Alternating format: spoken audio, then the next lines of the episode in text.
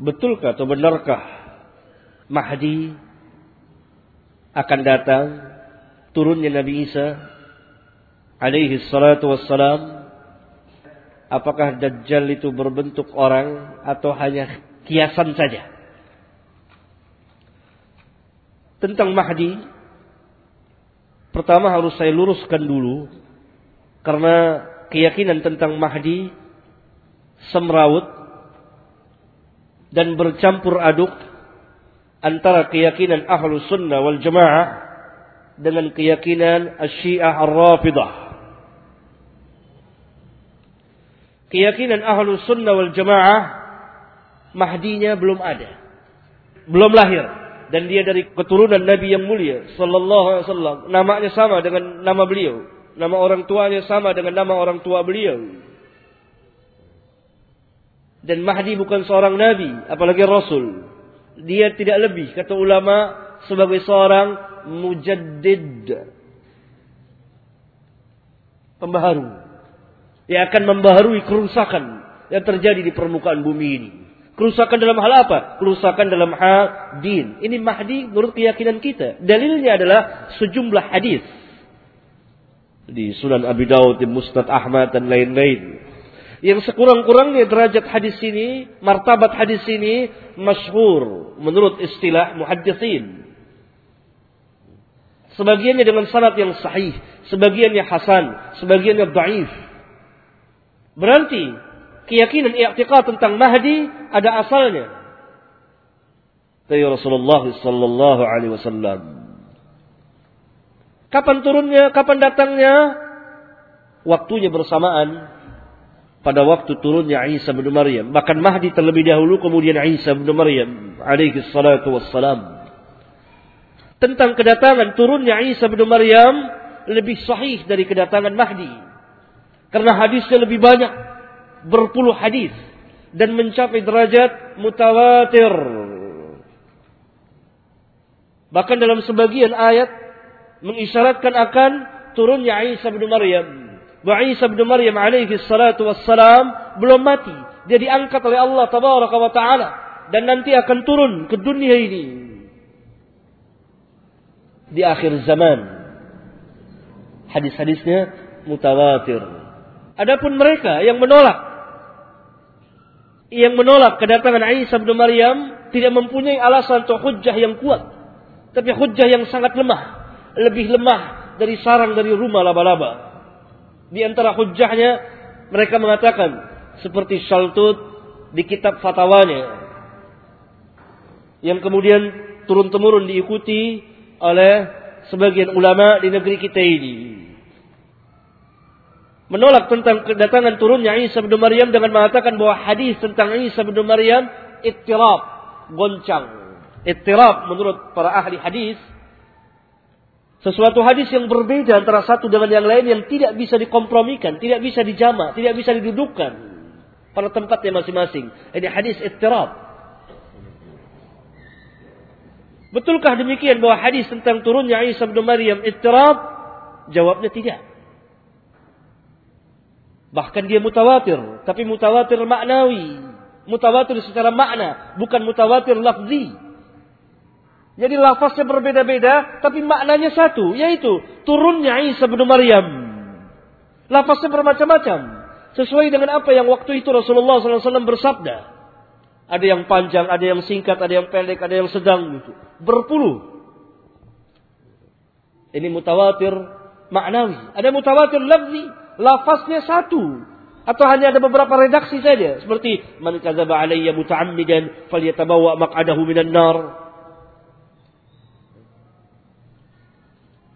Sebagian dari mereka mengatakan bahwa semua manusia mati. Rasulullah SAW saja mati. Kita jawab, iya, mati. Hanya sekarang Isa bin Maryam belum mati. Tapi akan mati nanti. Tidak ada manusia yang kekal di dunia ini. Mati semuanya. Isa bin Maryam pun mati. Hanya saja sekarang belum mati. Dajjal ber, apakah berbentuk orang atau hanya kiasan saja? Berbentuk orang. Istilah kiasan-kiasan adalah manhaj dari kaum filsafat. Semuanya dikias-kiaskan. Sorga merupakan kiasan. Neraka kiasan. Malaikat kiasan. Jin, syaitan kiasan. Simbol. Termasuk Dajjal. Kiasan. Masing-masing menafsirkan sesuai dengan hawa nafsunya. Dajjal, ada yang menafsir kiasan saja tentang kejahatan yang begitu banyak katanya. Berarti sekarang sudah turun Dajjal ini. Sebagian mengatakan Dajjal negara anu, Dajjal. Yang benci sama Amerika itu karena Amerika Dajjalnya. Itu dia turun. Begitu seterusnya. Takwil yang benar Dajjal berwujud, berbentuk. Karena itu dalam hadis-hadis diterangkan dia matanya pecek, buta sebelah. Apa itu kiasan? Di jidatnya ada tulisan, di keningnya ada tulisan kafara. Dan seterusnya yang menunjukkan berwujud satu orang. Nanti akan turun. Dia lebih dahulu turun sebelum Isa. Dia lebih dahulu datang. Kemudian Isa bin Maryam turun dan mengejar dia. Setelah dia Dajjal membuat kerusakan di muka bumi ini dikejar dan Isa bin Maryam alaihi salatu wassalam yang membunuh Dajjal. Perkataan ini tidak ada asal usulnya. Secara lengkap redaksinya seperti itu tidak ada asal usulnya. La asalahu. Tidak mempunyai sanad. Atau dengan kata lain, perkataan bohong yang beredar dari mulut ke mulut.